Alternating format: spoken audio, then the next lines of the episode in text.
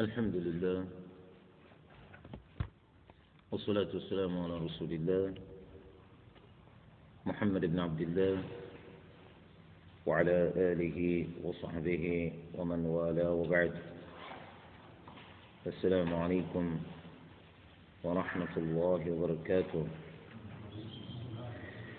يقول المصنف رحمه الله وهل يعيد غسلهما وهل يعيد غسلهما إذا أحدث في أثناء الطهارة أو لا؟ وقفنا عند هذه المسألة في الدرس السابق بعد أن تطرق المصنف إلى مسألة أخرى فرعية. قبل ذكر هذه. ذلك في قوله هل يغسلهما مجموعتين أو متفرقتين؟ إذا توضأ الإنسان أو اغتسل المعلوم أنه يبدأ وضوءه وغسله بغسل يديه. يغسلهما ثلاث هل يغسلهما متفرقتين أو مجموعتين؟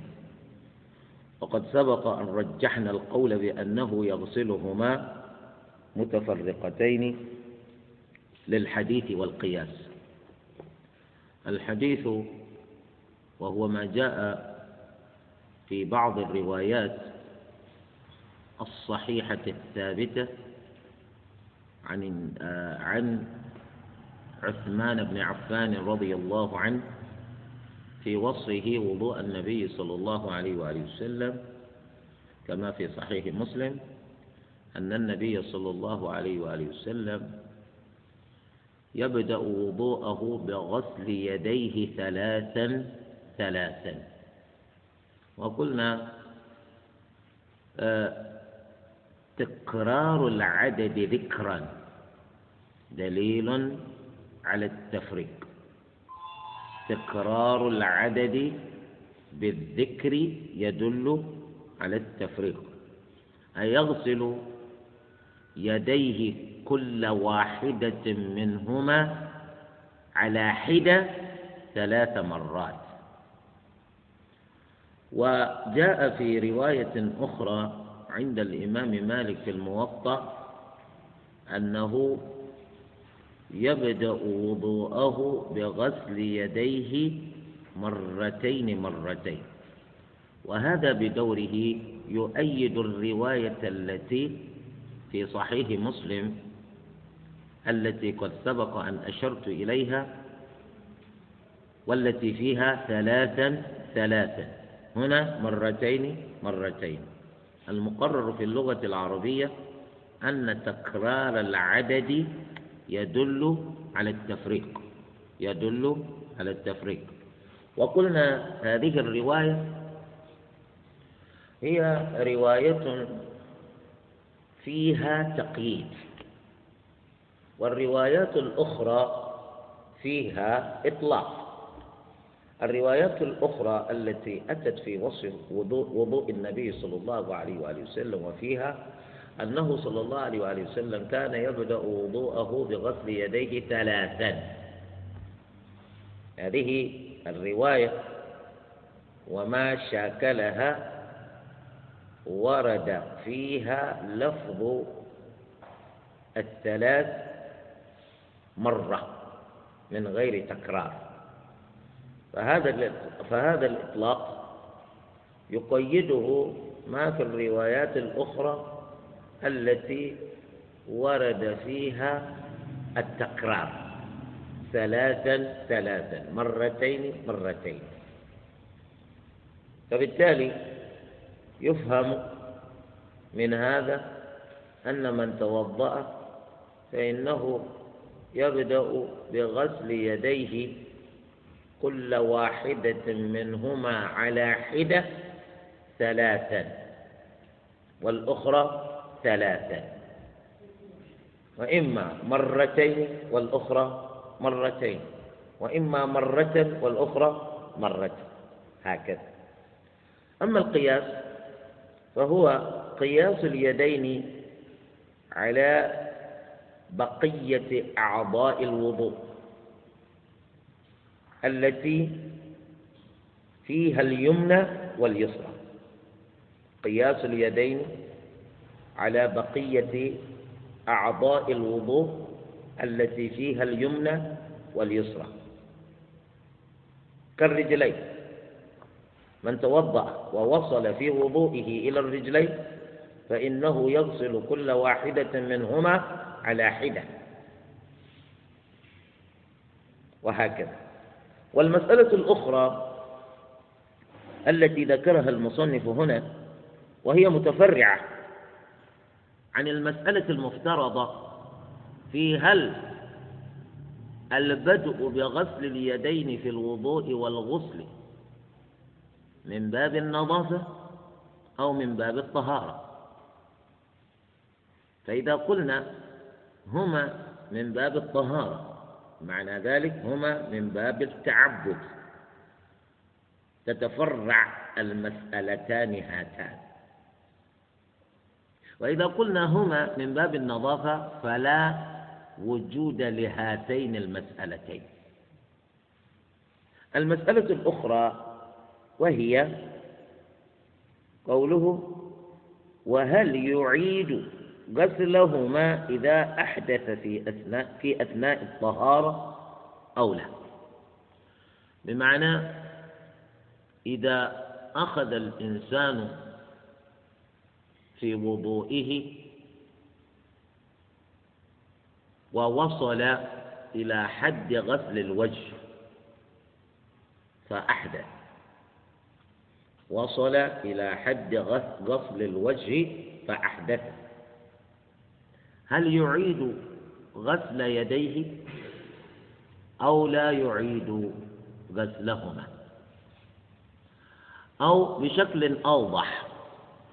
لو كان الإنسان يغتسل من الجنابة ووصل في غسله للجنابة إلى حد إلى حد تخليل شعر الرأس فأحدث.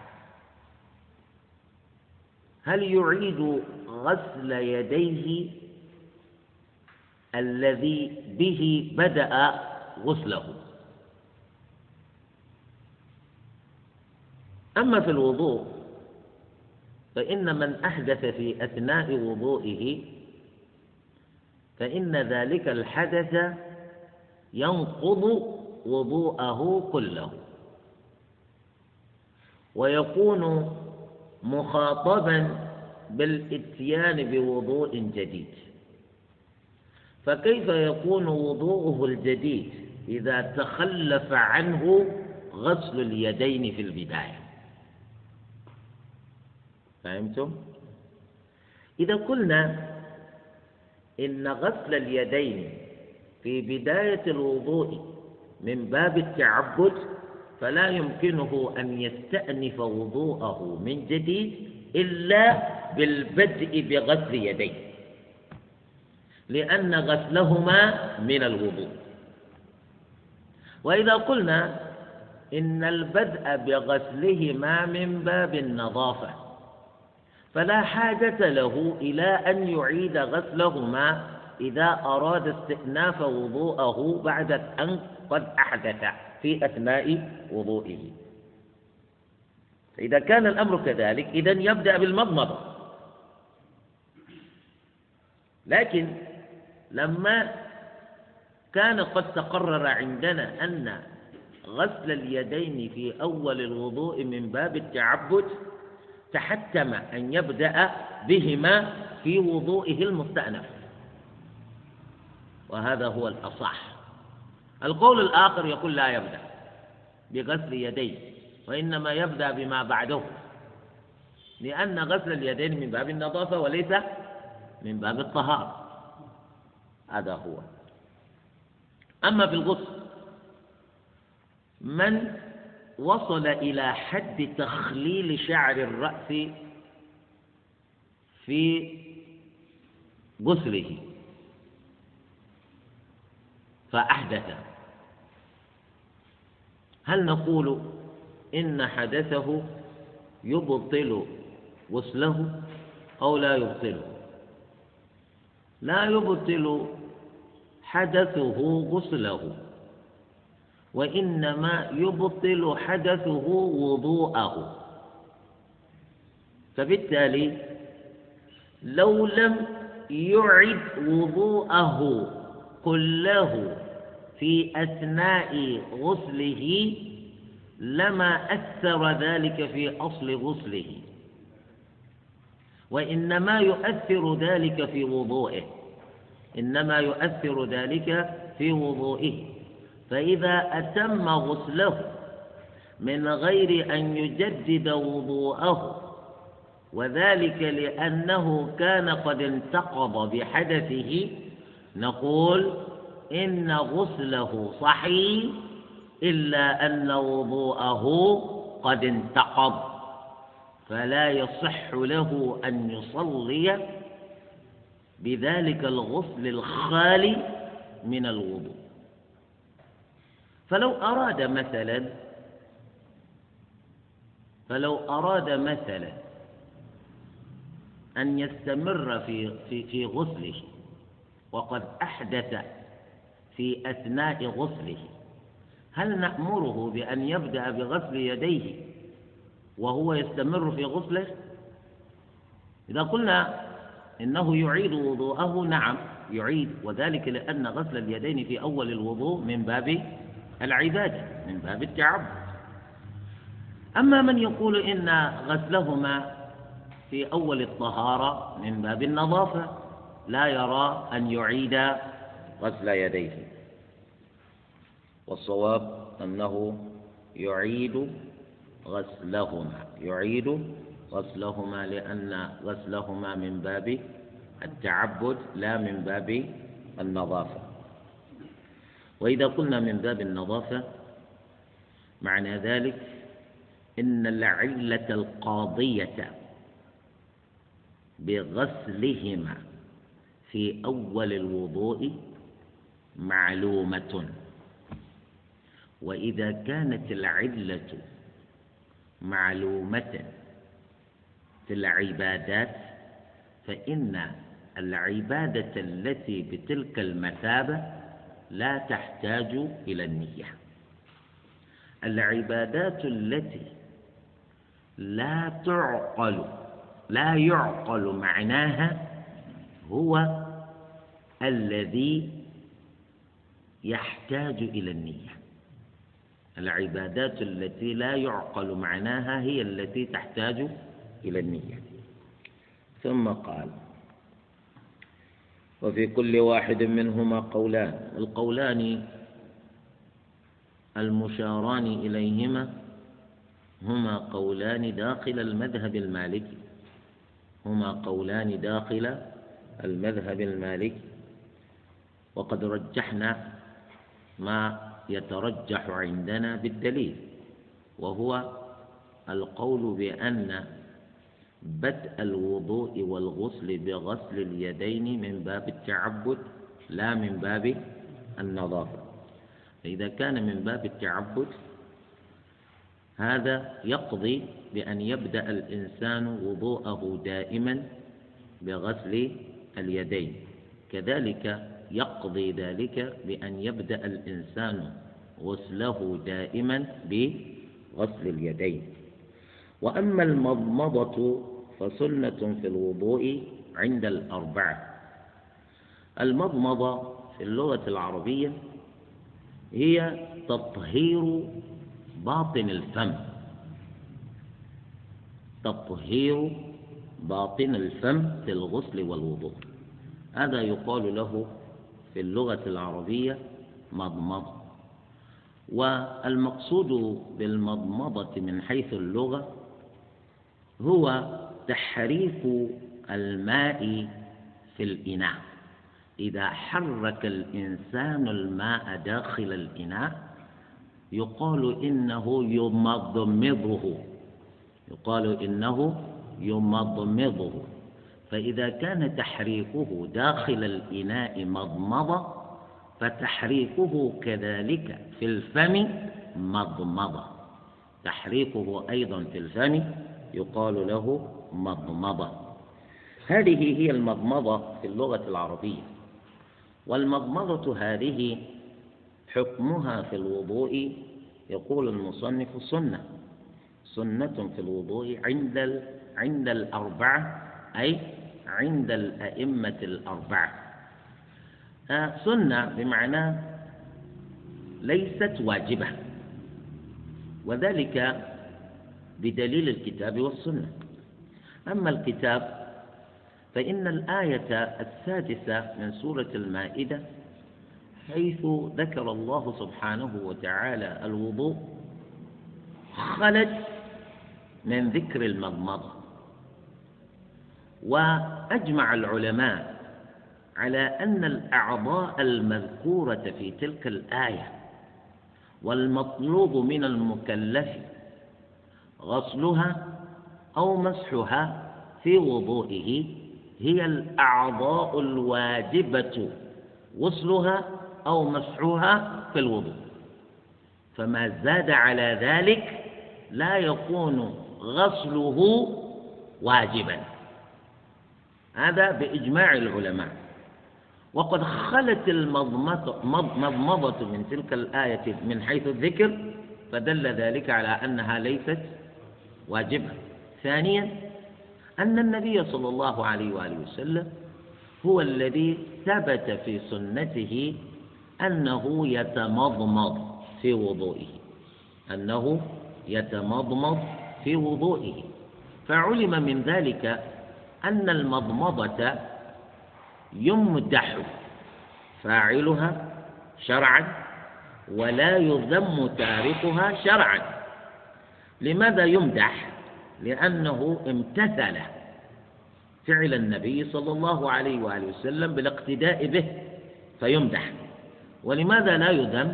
لا يذم لأن ربنا ما ذكره في الأعضاء المغسولة أو الممسوحة في الوضوء ذكرا في الآية. دل ذلك على أنه إذا تركها فإنه لا يذم. إذا من هنا قالوا سنة. هذا عند الأئمة الأربعة أبي حنيفة مالك والشافعي وأحمد بن حنبل رحمهم الله تعالى. وأما الاستنشاق وهو جذب الماء جذب الماء بالخياشيم. أنت تسخر ريح أنفك لجذب الماء إلى داخل أنفك. هذا يقال له باللغة العربية الاستنشاق. فيقول وأما الاستنشاق والاستنثار الاستنثار استفعال من النثر. والنثر هذا هو ضد الجذب. فأنت حين تجذب الماء بخياشيمك بريح أنفك إلى داخل أنفك فأنت في الحقيقة إنما تستنشق الماء. هذا الماء ليس موضعه داخل أنفك. تحتاج إلى استخراجه. فعملية استخراج هذا الماء هو الاستنثار. هو الاستنثار. فسنتان. الاستنشاق والاستنثار سنتان عند الثلاثة. في الوضوء خاصة أي عند الإمام أبي حنيفة مالك والشافعي يرون سنية الاستنثار والاستنشاق. وأوجبهما ابن حنبل. أحمد بن حنبل هو أوجب الاستنشاق والاستنثار. لماذا؟ لأنه هو يقول النبي صلى الله عليه وآله وسلم توضأ واستنشق ثم استنثر وأمر بالاستنشاق. وأمر بالاستنشاق. وهذه زيادة على ما فعله في المضمضة. فإنه في المضمضة اكتفى بالفعل دون الأمر. وقالوا والأمر المطلق إذا لم يصرفه صارف فإنه يفيد الوجوب. لأنه صلى الله عليه وآله وسلم قال إذا توضأ أحدكم فليستنشق. وهذا أمر وهذا الأمر لم يصرفه صارف في نظر الإمام أحمد. ففرق بذلك بين المضمضة والاستنشاق.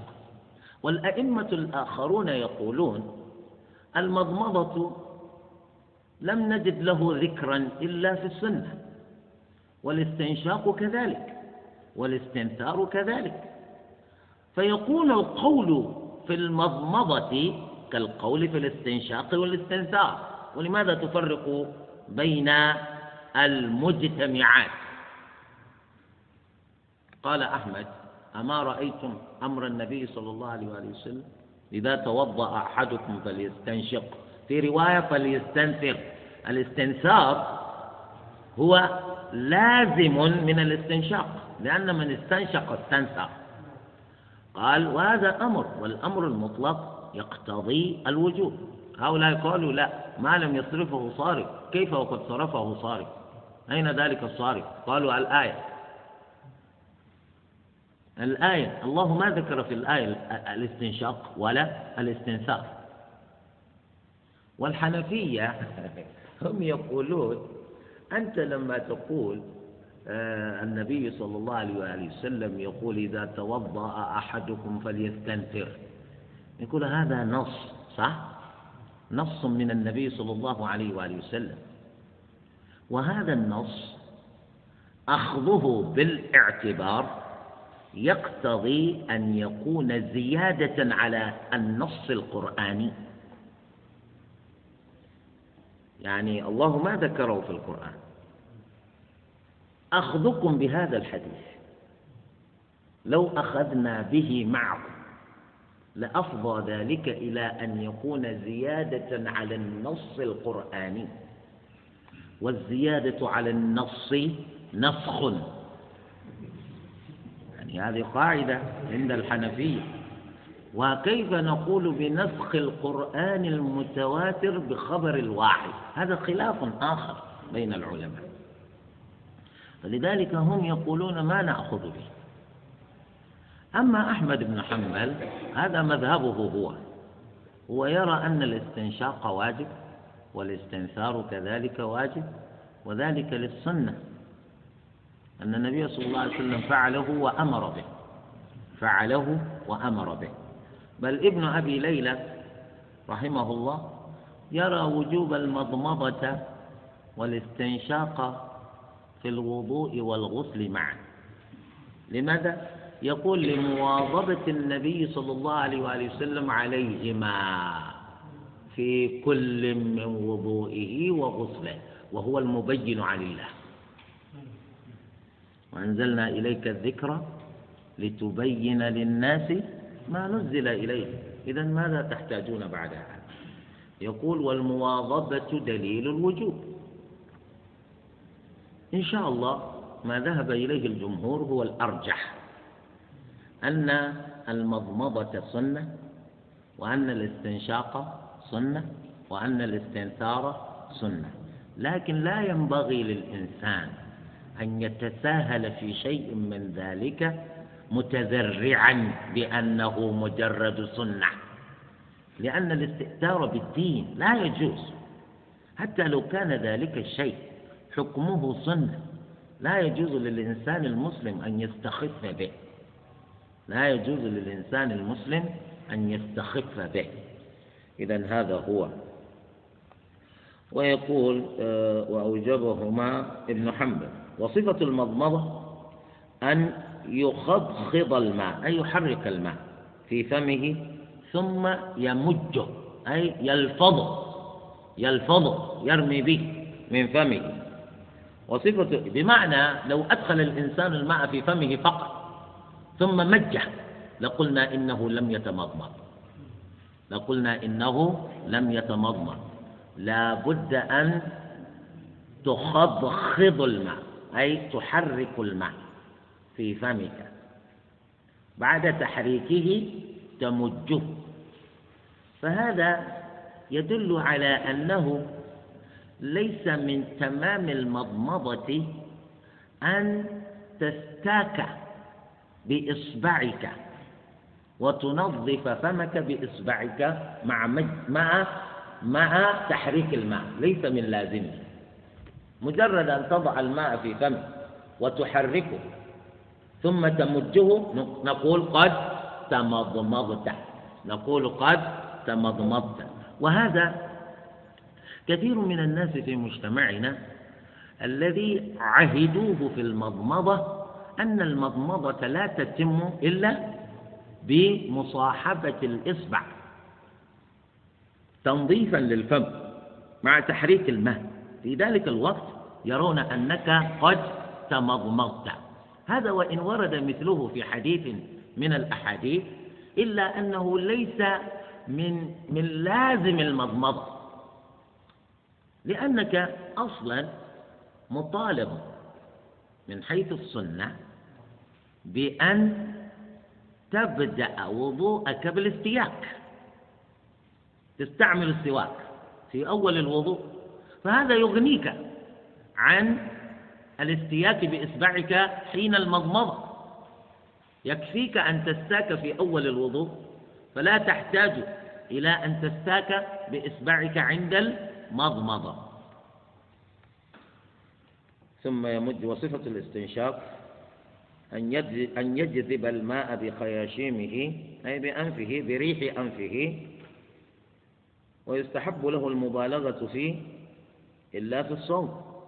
لحديث النبي صلى الله عليه وآله وسلم وبالغ في الاستنشاق إلا أن تكون صائما. وبالغ في الاستنشاق إلا أن تكون صائما.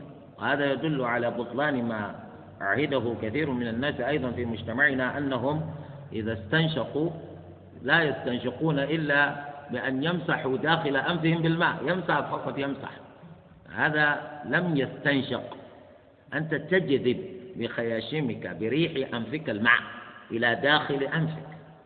النبي صلى الله عليه وسلم يقول وبالغ وبالغ أي استنشق الماء جيدا إلى أقصى حد بحيث لا تتضرر إلا أن تكون صائما. وهذا الاستثناء دليل على أن الماء لو وصل بسبب الاستنشاق إلى الحلق أدى ذلك إلى بطلان الصوم فهمتم هذا؟ هذا معنى قوله وبالغ في الاستنشاق إلا أن تكون صائما. لأنك إذا كنت صائما واستنشقت وبالغت في الاستنشاق حتى وصل الماء إلى حلقك فقل لصومك السلام. وهذا دليل آخر للفقهاء يستدلون به على أن الذي يبطل الصوم ليس يلزم أن يكون وصوله إلى الحلق عن طريق الفم فقط. كل ما يصل إلى الحلق فإنه يبطل الصوم سواء أكان وصوله عن طريق الفم وهو الأصل أو عن طريق الأنف لأنه يوجد قناة موصلة إلى الحلق عن طريق الأنف. كما أن كما أن هناك قناة عن طريق العين توصل إلى الحلق وقناة أخرى في الأذن توصل إلى الحلق فانتبه. ومن هنا يختلف الفقهاء أنك إذا كنت صائما وفيك رمد في عينك واحتجت إلى القطرات العينية تقطرها في عينك. إذا وصلت تلك القطرة إلى حلقك ما حكم صومك؟ خلاف. كذلك قطرات الأذن خلاف. في الوقت الذي لم يختلفوا في قطرات الأنف أن قطرة الأنف إذا وصلت إلى الحلق بطل صومك. ولماذا اختلفوا في العين واختلفوا في الأذن؟ هم يقولون العينان غير الأنف الأذنان غير الأنف لكن نحن نقول الوصول هو الوصول. وصل بالأنف إلى الحلق فبطل الصوم. كذلك لو وصل من العين إلى الحلق ينبغي أن نقول بالبطلان أيضا. كذلك إذا وصل عن طريق الأذن ينبغي أن نقول بالبطلان أيضا. يعني هذا سبب الخلاف هذا الحديث. وبالغ في الاستنشاق إلا أن تكون صائما. ويستحب له المبالغة فيه إلا في الصوم. وسنة الاستنثار يعني لو أراد الإنسان أن يستنثر قد جذبت الماء إلى أنفك. وأردت أن تستخرج ذلك الماء بالاستنثار. ما هي السنة في كيفية الاستنثار؟ يقول وصفة الاستنثار أن يجذب أن أن يجذب الماء بخياشيمه لا. وأن يجعل إبهامه وسبابته على أنفه. هكذا. إبهامه وسبابته يجعلهما على أنفه. كأنه يريد أن يمتخط كأنه يريد أن يمتخط أي يريد أن أن يستخرج المخاط من أنفه. يعني تجعل سبابتك وإصبعك السبابة والإبهام تجعلهما على أنفك كهيئة ممتخط. ثم ثم ينظر بريح الأنف. ثم الآن تستخرج ذلك الماء بريح من أنفك. يقول الإمام مالك وهذه هي الصفة المقبولة للاستنثار. ومن يفعل غير ذلك لم يستنثر. يعني إذا استخرجت الماء من أنفك بطريقة أخرى غير هذه الطريقة يقال إنك استنشقت ولما تستنثر. وقال مالك ومن استنثر بغير ذلك فإنما يفعل كالحمار. لأن الحمار أكرمكم الله. إذا أراد أن يمتخط فإنه لا يضع إبهامه وسبابته على أنفه عند الامتخاط إنما يستخرج المخاط من أنفه هكذا. فهمتم؟ مالك يقول ومن استنثر بغير هذه الكيفية فهو إنما يفعل كالحمار وليس الحمار فقط إنما ذكر الحمار كمثال. هكذا الشاة هكذا البقرة هكذا الإبل كل حيوان. إذا أرادت تلك الحيوانات أن تمتخط فإنها تمتخط برمي المخاط عن أنفها بهز الرأس. فلذلك إذا أردت أن تستنثر أيها المسلم تستنثر هكذا. كأنك تريد أن تمتخط. كأنك تريد أن تمتخط.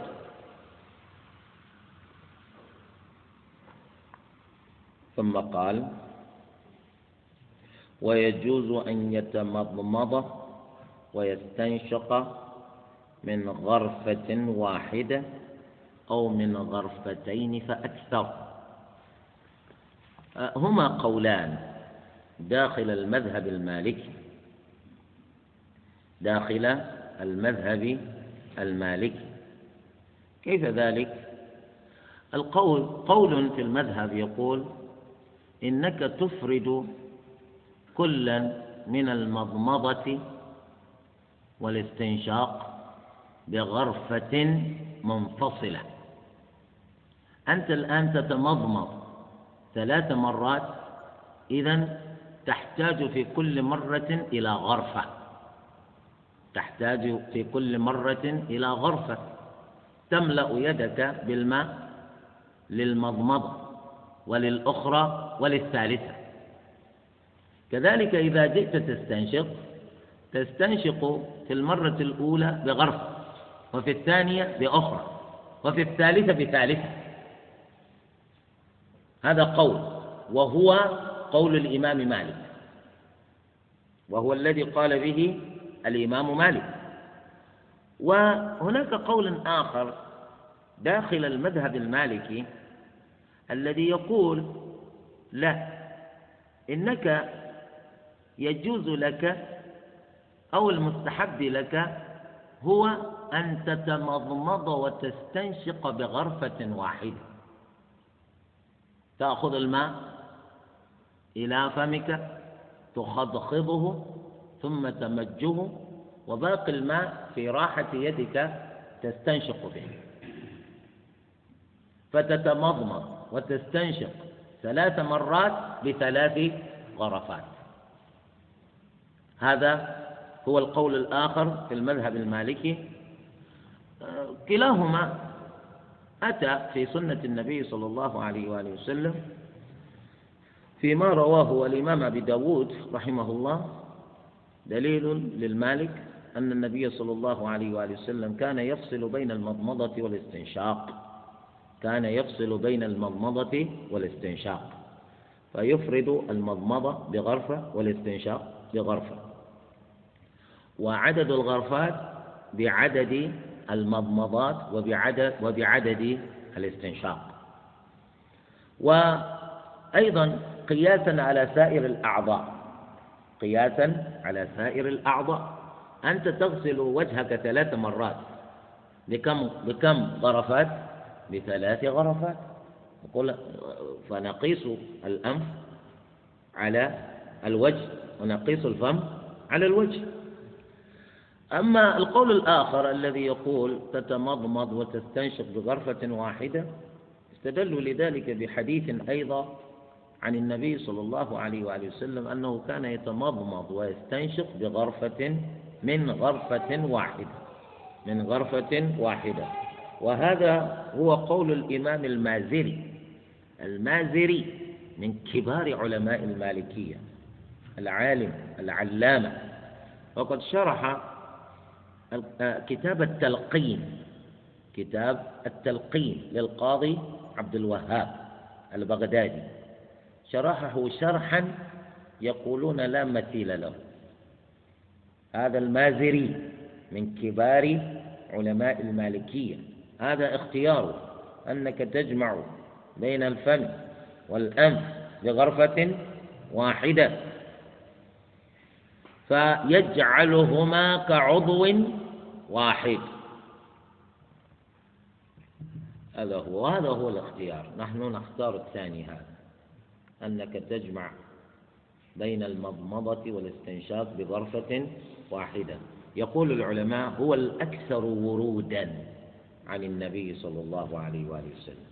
هو الأكثر ورودا عن النبي صلى الله عليه وسلم. وإلا إذا رأينا أحدا يفصل بينهما فإننا لا نعاتبه. لأن هذا أيضا أتت به السنة. من شاء أخذ بهذا ومن شاء أخذ بهذا. مسألة المضمضة والاستنشاق سنتان من سنن الوضوء. لماذا في رأيك قدمتا أي المضمضة والاستنشاق؟ لماذا قدمتا هاتان السنتان على الواجبات في الوضوء؟ لماذا قدمتا على الواجبات في الوضوء؟ لماذا قدمت المضمضة والاستنشاق على غسل الوجه؟ ولماذا قدمتا على غسل اليدين ولماذا قدمتا على مسح الرأس ولماذا قدمتا على غسل الرجلين لماذا مع أنهما سنتان من سنن الوضوء لا من واجباته يقول العلماء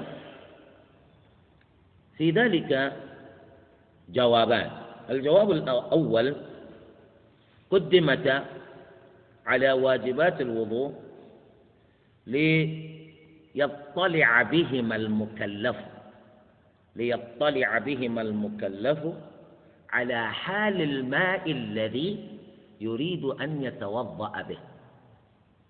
ليطلع بهما على حال الماء الذي يريد أن يتوضأ به في ريحه وطعمه.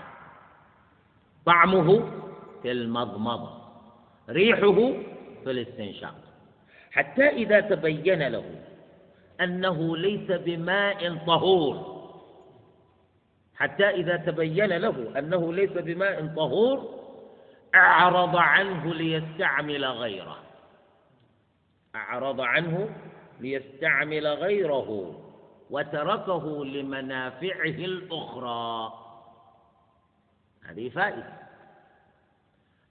السبب الثاني أن الأنف والفم أن الفم والأنف أكثر أكذارا أكثر أقذارا القذر الأوساخ التي تجد في الفم والتي تجد في الأنف أكثر من غيرهما من أعضاء الوضوء. وجهك أقذر من فمك؟ وجهك أقذر من أنفك؟ يداك أقذر من فمك وأنفك؟ رأسك أقذر من فمك ورأسك؟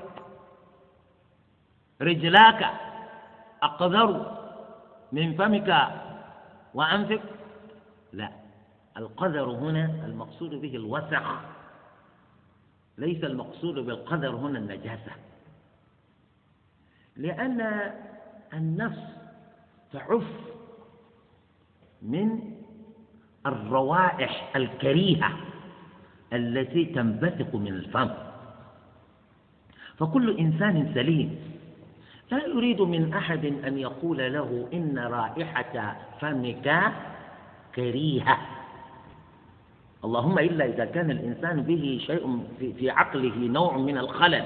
يقول أنا ماذا فيه؟ إذا كانت رائحة فمك كريهة ماذا بها؟ كذلك أكرمك الله المخاط هذا الذي يستخرجه الإنسان من من فمه أو من أنفه. المخاط هذا يعني شيء طيب جيد؟ أنت ترضى لنفسك أن تعلق به في صدرك؟ حتى ليراه الناس جميعا هذا لون مخاطي. من يقول هذا إلا الذي في عقله خلل. فيقولون الفم والأنف أكثر أقذارا من غيرهما من أعضاء الوضوء. فكانت العناية بتقديمهما على غيرهما أولى. هذا السبب. ثم يقول المصنف رحمه الله وأما الأذنان فتمسحان عند الأربعة. أي نعم الأئمة الأربعة يرون أن الواجب في الأذنين المسح. أن الواجب في الأذنين المسح. ليس ليس المقصود بأن الواجب في الأذنين المسح. ليس المقصود به حكم مسحه ما واجب لا. أي أن الذي أنت مطالب بفعله في حق أذنيك المسح.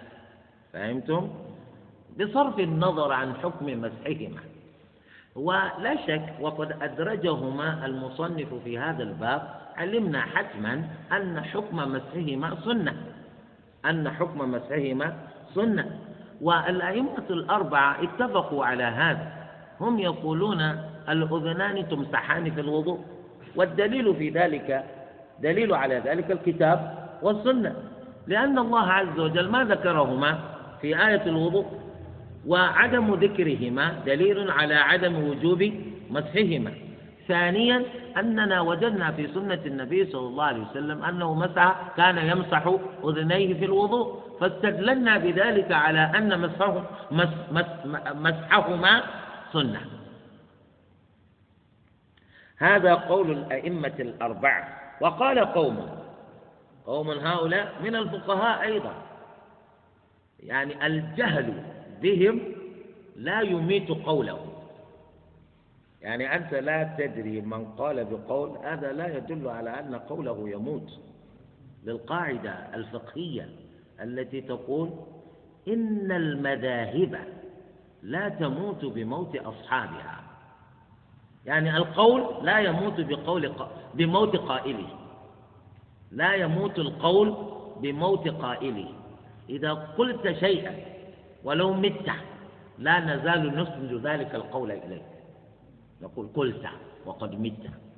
إذا لا يموت المذهب بموت أصحابه. إذا قوم قالوا تغسلان مع الوجه. تغسلان مع الوجه. لماذا؟ لأن الأذنين عندهم من الوجه. لأن الأذنين عندهم من الوجه وربنا يقول فاغسلوا وجوهكم يا جماعة ما حكم غسل الوجه في الوضوء؟ واجب صح؟ إذا إذا كان الوجه يجب غسله في الوضوء فالأذنان أيضا يجب غسلهما في الوضوء يا جماعة الأذنان ليستا من الوجه قالوا كيف ذلك ماذا تقصدون بالوجه؟ نقول في اللغة العربية الوجه هي التي هو الذي يحصل به المقابلة. أنت تقابل الناس بوجه آه الأذنان تقابل بهما؟ نعم. هم يقولون من الوجه. لأنهم يقولون ما اتصل بشيء أخذ حكمه. لأن الأذنان تتصلان بالوجه ولا لا؟ صح ولا لا؟ ونحن نقول والرقبة تتصل بالوجه صح؟ فينبغي أن تأخذ حكم الوجه يقول لا ليس كالرقبة. فهمتم لذلك هم الإنسان دائما عندما يستدل هو ينظر بعينه والذي يريد أن يعارضه ينظر بالعين الأخرى. لأن علتك هي أن الأذنين متصلتان بالوجه. فنقول ليس ليستا وحدهما اللتان تتصلان بالوجه. غيرهما أيضا يتصل بالوجه. فمن هنا هؤلاء إنما نظروا إلى أن الأذنين يحصل بهما المواجهة. يحصل بهما المواجهة فهما إذن من الوجه. العلماء يقولون لا. لا.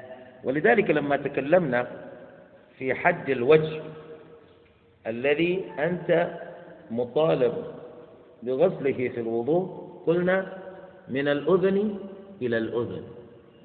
من الأذن إلى الأذن. أي مع استخراج الأذن.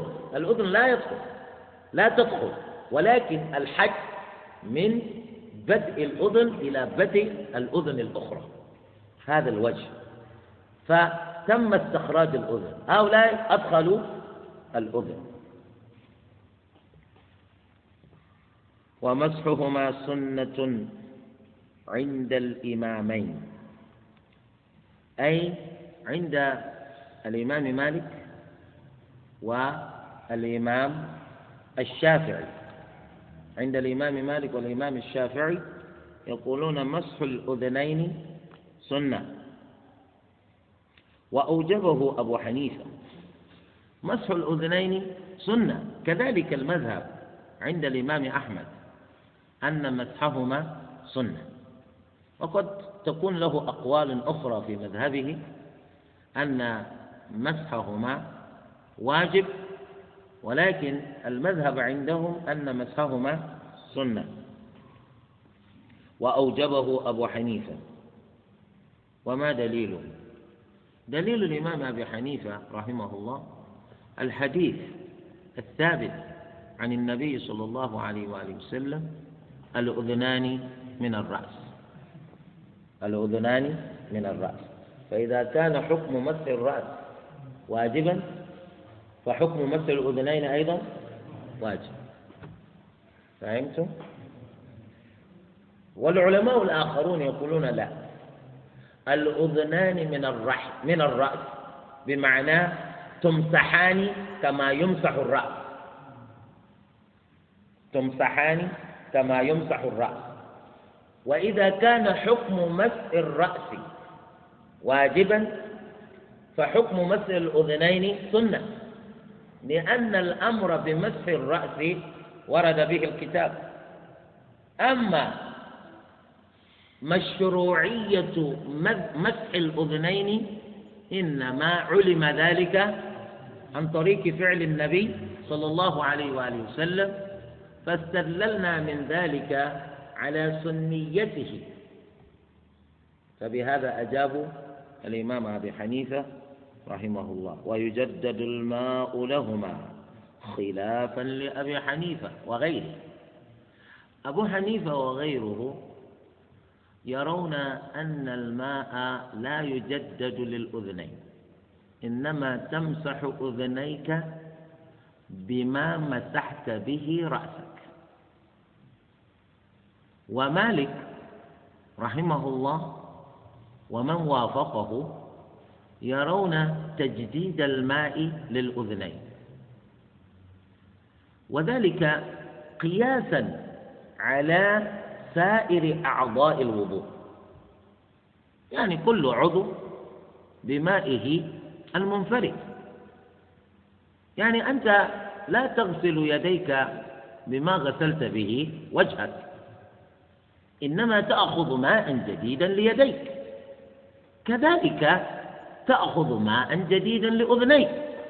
وإلا من حيث الحديث الحديث الذي يستدلون به على أن النبي صلى الله عليه وآله وسلم جدد لمسح أذنيه الماء. هذا الحديث فيه مقال. وأصح من ذلك ما رواه الإمام البخاري رحمه الله في صحيحه. الصحابي يقول رأيت النبي صلى الله عليه وآله وسلم مسح رأسه وأذنيه بماء واحد. مسح مسح رأسه وأذنيه بماء واحد. وكفى الله المؤمنين القتال. إذا الماء الذي به مسحت رأسك هو الذي تستعمله في مسح أذنيك في نهاية وضوئك. هذا هو وهو الأصح إن شاء الله.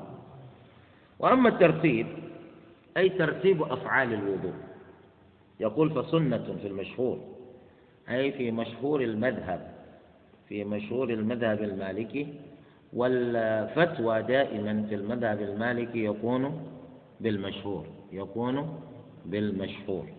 اللهم إلا في بعض المسائل إذا كان الدليل الذي استدل به للقول المشهور مرجوحا. ووجدنا دليلا للقول الذي يخالف المشهور راجحا. فيقال في المذهب المالكي هنا المسائل التي يخالف فيها الراجح المشهور. بماذا يكون الفتوى؟ أمثال تلك المسائل مثلا. عند المالكية يقولون بعد صلاة الجمعة لا نافلة. لا نافلة بعد الجمعة. لماذا؟ مخافة أن يتخذ الناس ذلك واجبا. كذلك عند المالكية يقول الإمام مالك بعدم الترغيب في صيام الست من شوال بعد رمضان. مخافة أن يتخذ الناس ذلك واجبا. كذلك عند الإمام عند المذهب المالكي بالأحرى يقولون أنت إذا جئت تصلي إنما تسدل يديك ترسلهما خلافا للقبض مع أن هذه الأقوال المشهورة تخالفها أقوال أخرى أدلتها راجحة. وأدلة الأقوال المشهورة هذه مرجوحة. مثلا لا وجود لدليل ثابت لا في الكتاب ولا السنة على أن الإنسان إذا أراد أن يصلي فإنه يسدل يديه. ما في. لا من الكتاب ولا من السنة. إلا أن يستدلوا ببعض العمومات. يقولون حديث المسيء صلاته. النبي صلى الله عليه وسلم علمه كيف يصلي بعد أن أقر أنه لا يجيد الصلاة أكثر من هذا. علمني يا رسول الله. فعلمه. صلوات ربي وسلامه عليه كيف يصلي. لكنه ذكر له الصلاة من أولها إلى آخرها وقد خلا ذكره لها من القبض فدل ذلك على أنه ليس من الصلاة في شيء. قال العلماء ليس القبض فقط هو الذي خلا ذكره خلا ذكره في الحديث. غيره أيضا لم يذكر في الصلاة. ولذلك أجمع العلماء على أن كل ما ذكر النبي صلى الله عليه وسلم في ذلك الحديث هو من واجبات الصلاة. ونحن لا نقول القبض واجب صح؟ فلذلك قالوا إذا لا دليل لكم هناك. وأيضا القاعدة الفقهية تقول عدم الذكر ليس ذكرا للعدم. يعني ما ذكروه؟ ليس معنى ذلك أنهم قالوا لا تفعلوه. إذا ابحثوا عن دليل آخر. وقد ثبت أن النبي صلى الله عليه وسلم يقدر في صلاته ويأمر به. بل آه وائل بن حجر رضي الله عنه يقول ما رأيت النبي صلى الله عليه وآله وسلم قائما في الصلاة إلا وهو يضع يمناه على يسراه قابضا. يعني دائما إذا رأيته قائما في الصلاة لا أراه إلا قابضا ماذا بقي؟ إذا هذا الدليل الراجح يخالف المشهور عند المالكية. إذا بماذا يكون الفتوى؟ هنا الخلاف. كذلك لما قال مالك لا تصوموا ستة من شوال. يقول لأني أخاف ولأن الناس في بلادنا. يا أخي كل هذا مرجوح. حديث النبي صلى الله عليه وسلم من صام رمضان. ثم أتبعه ستا من شوال. كان كصيام الدهر. يا أخي دليل ثابت. إذا خالف الراجح المشهور. كذلك مالك يقول لا تصلي بعد الجمعة.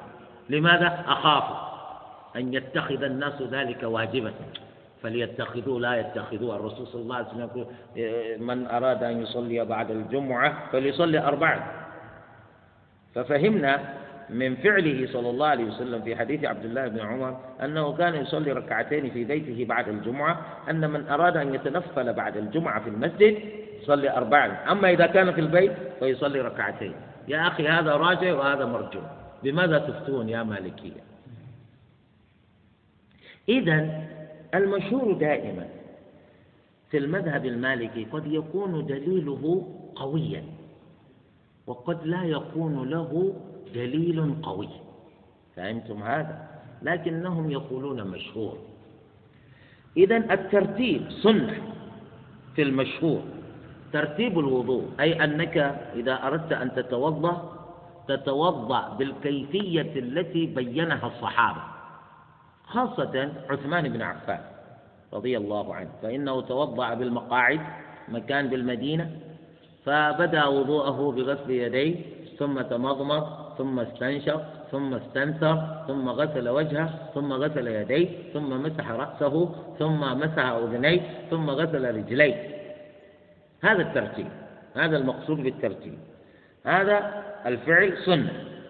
وهذا هو قول الإمام مالك وبه ورد وبه وهو ما ورد ذكره في كتاب العتبية عند المالكية قالوا الترتيب لأفعال الوضوء سنة.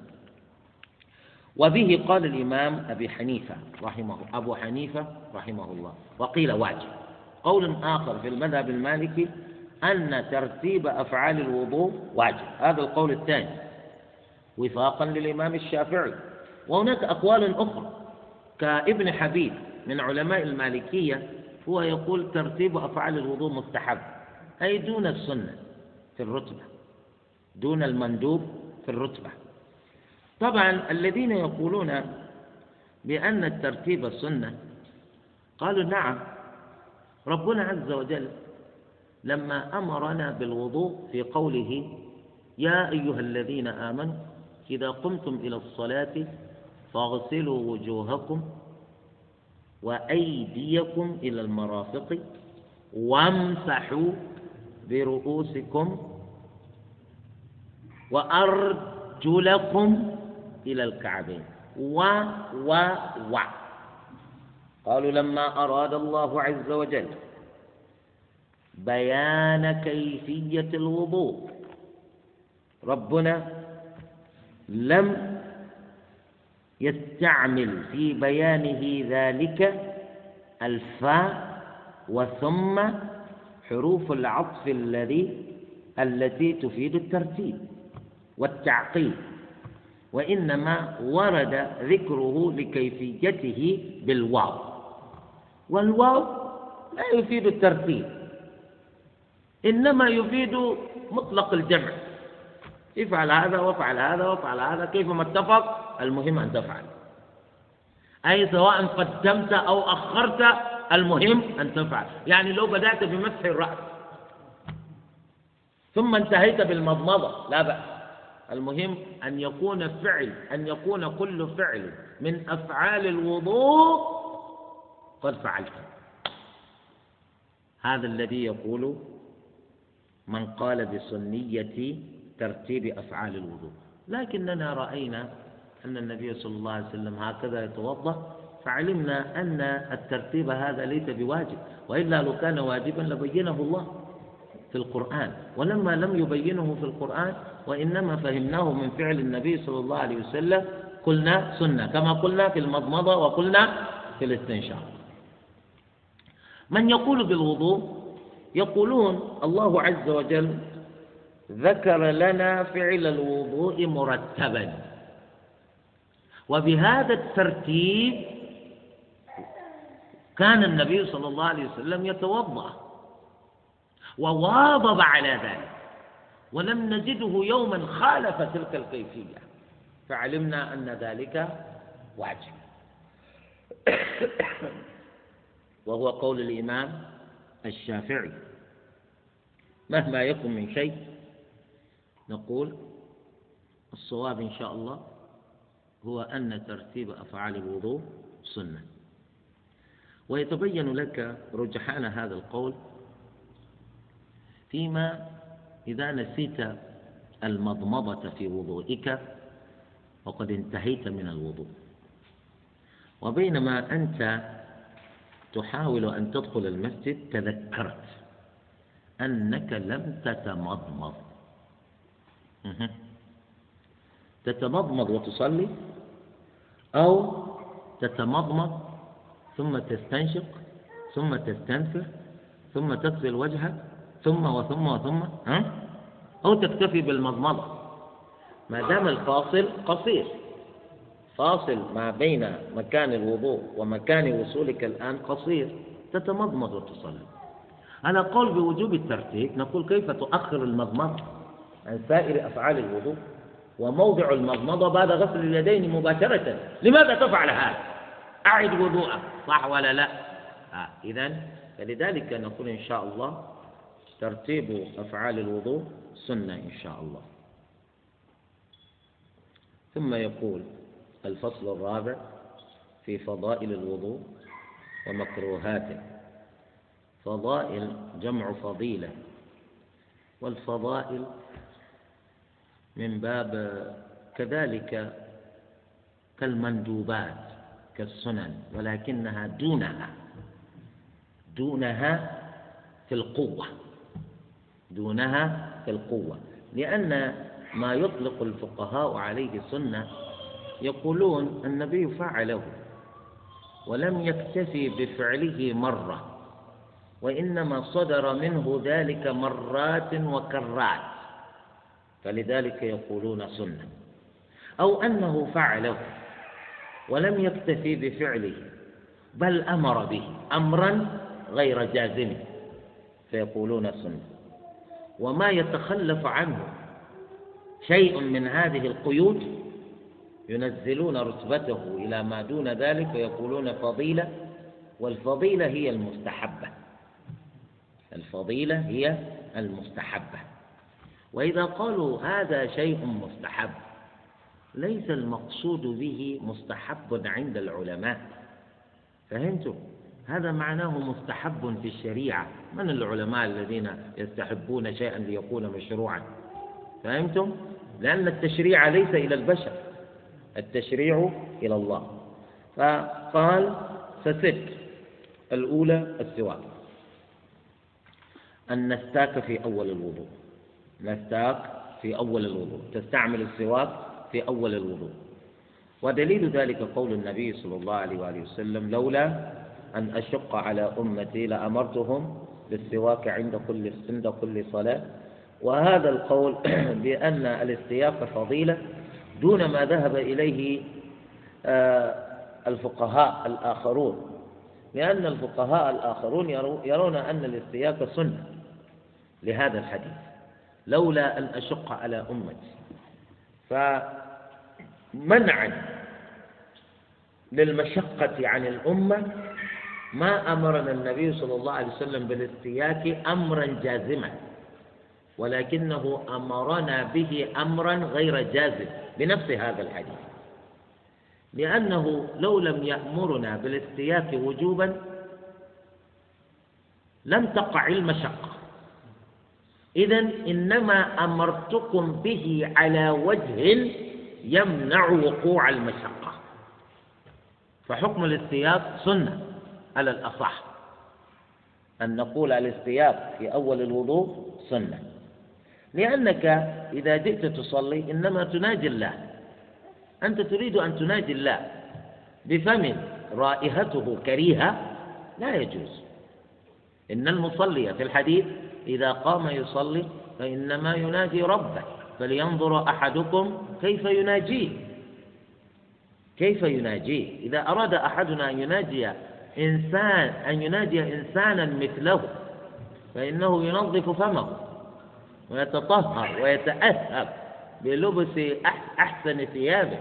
كيف وأنت تريد أن تناجي الله. وأوجبه الظاهرية. طبعا وهذا هو الأليق بظاهريته. هذا هو الأليق بظاهريته. والعود الأخضر أحسن إلا للصائم. أي إذا كان العود الذي تريد أن تستاك به إذا كان رطبا غير يابس هذا يكون أفضل. إلا إذا كنت صائما. لأنك إذا كنت صائما فهذا فهذا العود إذا كان رطبا فإنه يخرج منه يخرج تخرج منه عصارته. وعصارته تكون لها أو يكون لها طعم مخالف لطعم الماء. وهذا الطعم إذا دخل في فمك وأنت أبلعته. إبلاعك إياه يبطل صومك. فهمتم؟ مثل الذي يستعمل معجون الأسنان. أنت تأتي بالفرشة ومعجون الأسنان لتنظف فمك. المعجون هذا كلوزب الذي تستعمله. أنت أبلعته. تقول ربي لأني أنظف فمي. نقول يبطل صومك يبطل صومك. إذا كان الإنسان صائما وأراد أن ينظف فمه فإنه يستعمل عودا يابسا لأن العصارة التي تنبثق من العود اليابس ليست كالتي يستخرجه العود الأخضر. فهمتم هذا؟ هذا هو. فإن لم يجد عودا استاك بإصبعه استاك بإصبعه أي في أول وضوء. وإن ترك ذلك إلى وقت المضمضة فخير. الثانية التسمية في أوله أي قول بسم الله في أول الوضوء. هذا أيضا من الفضيلة. هذا أيضا من الفضيلة. وقيل بإنكاره. القول الأول هذا أن التسمية سنة جاء عن الإمام مالك. القول الآخر أن التسمية مكروه مكروهة جاء عن الإمام مالك أيضا. وهناك قول ثالث التخيير إن شئت وإن شئت. أما القول بالكراهة يقول المالك في ذلك أو يريد أن يذبح يعني الذي يريد أن يتوضأ إذا قال بسم الله. قال مالك أو يريد أن يذبح؟ وأوجبها قوم وهو أحمد بن حنبل. خلافا للأربعة. خلافا للثلاثة هذا الأصح. أحمد بن حنبل هو أوجب البسملة. خلافا للثلاثة. وهذا من مفردات مذهب أحمد بن حنبل. هو يرى أن البسملة في أول الوضوء واجبة. الأئمة الثلاثة آه، من قال منهم بأن البسملة سنة؟ يوجد. بل منهم من يقول بالكراهة. وهو مالك في رواية ويقول بالتخيير أيضا. والسبب في الخلاف هنا يعود إلى حديث أبي هريرة رضي الله عنه أن النبي صلى الله عليه وآله وسلم يقول لا صلاة لمن لا وضوء له ولا وضوء لمن لم يذكر اسم الله عليه. وهذا رواه أبو داود وابن ماجه والبيهقي. ويقول المالكية هذا حديث لا أصل له. لأن هذا هو سبب الخلاف. هذا الحديث هل يثبت أو لا يثبت؟ وانتبهوا الحديث يقول لا صلاة لمن لا وضوء له.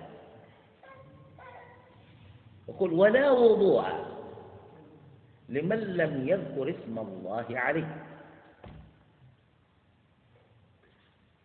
فما حكم الوضوء مع الصلاة؟ واجب. إذا فما حكم التسمية مع الوضوء؟ واجب. ولذلك أحمد بن حنبل يقول بوجوب البسملة. وهذا الحديث اختلفوا فيه قبولا وردا. من يرى قبول هذا الحديث يقول حكم البسملة الوجوب في أول الوضوء. ومن لا يرى ومن يرى رده يقول لا. يقول بكراهية التسمية في أول الوضوء. وهذا الحديث ممن قال بثبوته الشيخ الألباني. حسنه الشيخ الألباني في كتابه إرواء الغليل في تخريج أحاديث منار السبيل. يراه من قبيل الأحاديث الحسان. هو حديث حسن. فعليه إذا كان الحديث ثابتا فلا يمكن لأحد أن يقول بعدم مشروعية التسمية في أول الوضوء وإنما يبقى الخلاف في وجوبه من عدم وجوبه وجوب التسمية وعدم وجوب التسمية. من يقول بوجوب التسمية يأخذ بظاهر هذا الحديث ولا وضوء لمن لم يذكر اسم الله عليه. ومن يقول بعدم وجوب التسمية رغم قبوله لهذا الحديث يقول القرآن ذكر كيفية الوضوء وقد خلت من ذكر التسمية فدل ذلك على أن التسمية سنة وليست بواجب طبعا هذا هو. يقول العلماء أفعال العبد أفعال الإنسان مع التسمية ثلاثة أقسام. أفعال الإنسان مع التسمية ثلاثة أقسام. أي ما هي الأفعال التي أنت مطالب ببدئها بالبسملة؟ وما هي الأفعال التي أنت لست مطالبا ببدئها بالبسملة؟ وما هي الأفعال التي تكره فيها التسمية في أولها؟ فمنها ما شرعت فيه التسمية ومنها ما لم تشرع فيه التسمية ومنها ما تكره فيه التسمية. أما ما يشرع فيه التسمية فكالغسل فكالغسل والوضوء والتيمم على خلاف بين الفقهاء. هذا هو الوضوء وقد اختلفوا فيه. كذلك اختلفوا في الغسل كذلك اختلفوا في التيمم. هل تبدأ كل واحد من هذه الأشياء بالبسملة أو لا تبدأ لا تبدأه بالبسملة؟ خلاف. وكذلك ذبح النسك إذا أردت أن تذبح العلماء يقولون تسمي الله. هذا بدون خلاف. وكذلك قراءة القرآن. قراءة القرآن. لأن ربنا عز وجل بدأ سورة الفاتحة بالبسملة. كذلك وجدنا كل سورة من سور القرآن مبدوءة بالبسملة إلا سورة التوبة. إذا أنت تبدأ قراءتك للقرآن بالبسملة. خاصة إذا كنت إنما تريد أن تبدأ القراءة من أول السورة. بخلاف الذي يريد أن يبدأ قراءته من وسط السورة فإنه يتعوذ ولا يبسمل. فإنه يتعوذ ولا يبسمل. إذا هذا هو. آه كذلك هناك أفعال مباحة يشرع فيها التسمية وهي ليست من العبادات كالأكل والشرب. أنت تبدأ أكلك بالبسملة وتبدأ شربك بالبسملة كذلك الجماع. من أراد أن يجامع زوجته يبدأ بالبسملة. ثانيا أشياء لا تشرع فيها البسملة كالصلوات. الصلوات أنت إذا أردت أن تصلي ما في أحد يقول لك تبدأ صلاتك ببسم الله. بماذا تبدأ الصلاة؟ تبدأ الصلاة بتكبيرة الإحرام. ومن ذا الذي قال لك تقول بسم الله الله أكبر؟ فهمتم هذا؟ إذا لا تشرع فيها البسملة. وكذلك الأذان من أراد أن يؤذن لا يقول بسم الله الرحمن الرحيم الله لا. لا أحد أمرك بذلك. كذلك الحج. إذا أردت أن تحج الحج تبدأ حجك بالتلبية. بالتلبية بعد بعد الإحرام. لبيك اللهم لبيك. لبيك لا شريك لك لبيك. إن الحمد والنعمة لك والملك لا شريك لك. لا تقول بسم الله الرحمن الرحيم لبيك اللهم لبيك. لا أحد يقول لك ذلك. كذلك العمرة كذلك الأذكار. سبحان الله والحمد لله ولا إله إلا الله الله أكبر ولا حول ولا قوة إلا بالله. لا تقل بسم الله سبحان الله لا أحد يقول لك ذلك. كذلك الدعاء. إذا أردت أن تدعو لا تحتاج إلى أن تبدأ ذلك كله بالبسملة. لماذا؟ لأن هذه الأفعال بركة في نفسها. صلوات أذان حج عمرة أذكار دعاء. لكن قالوا والقرآن ليس بركة؟ ولماذا تقولون يبسمل في أول القراءة؟ ما هو الجواب؟ قالوا العلة في منع التسمية في هذه العبادات أنها بركات في نفسها والقرآن. الله أعلم نعم أي نعم. افتتح ربنا القرآن بالبسملة. وافتتحت الصور بالبسملة. والبسملة ما كانت لتوضع أول كل سورة إلا بأمر النبي صلى الله عليه وسلم. والنبي صلى الله عليه وسلم ما كان ليأمر بذلك لولا أن أمره الله بذلك. وما ينطق عن الهوى إن هو إلا وحي يوحى. الثالث ما يكره فيه التسمية المحرمات. يعني واحد يريد أن يشرب الخمر واحد يريد, يريد أن يزني يريد أن يدخن الشيشة يقول بسم الله. إيش بسم الله هذا كله لا يحتاج إلى البسملة. نكتفي بهذا القدر. أسأل الله عز وجل أن يفقهنا في الدين وأن يعلمنا التأويل وأن يبارك لنا فيما علمنا. سبحانك اللهم وبحمدك أشهد أن لا إله إلا أنت أستغفرك وأتوب إليك.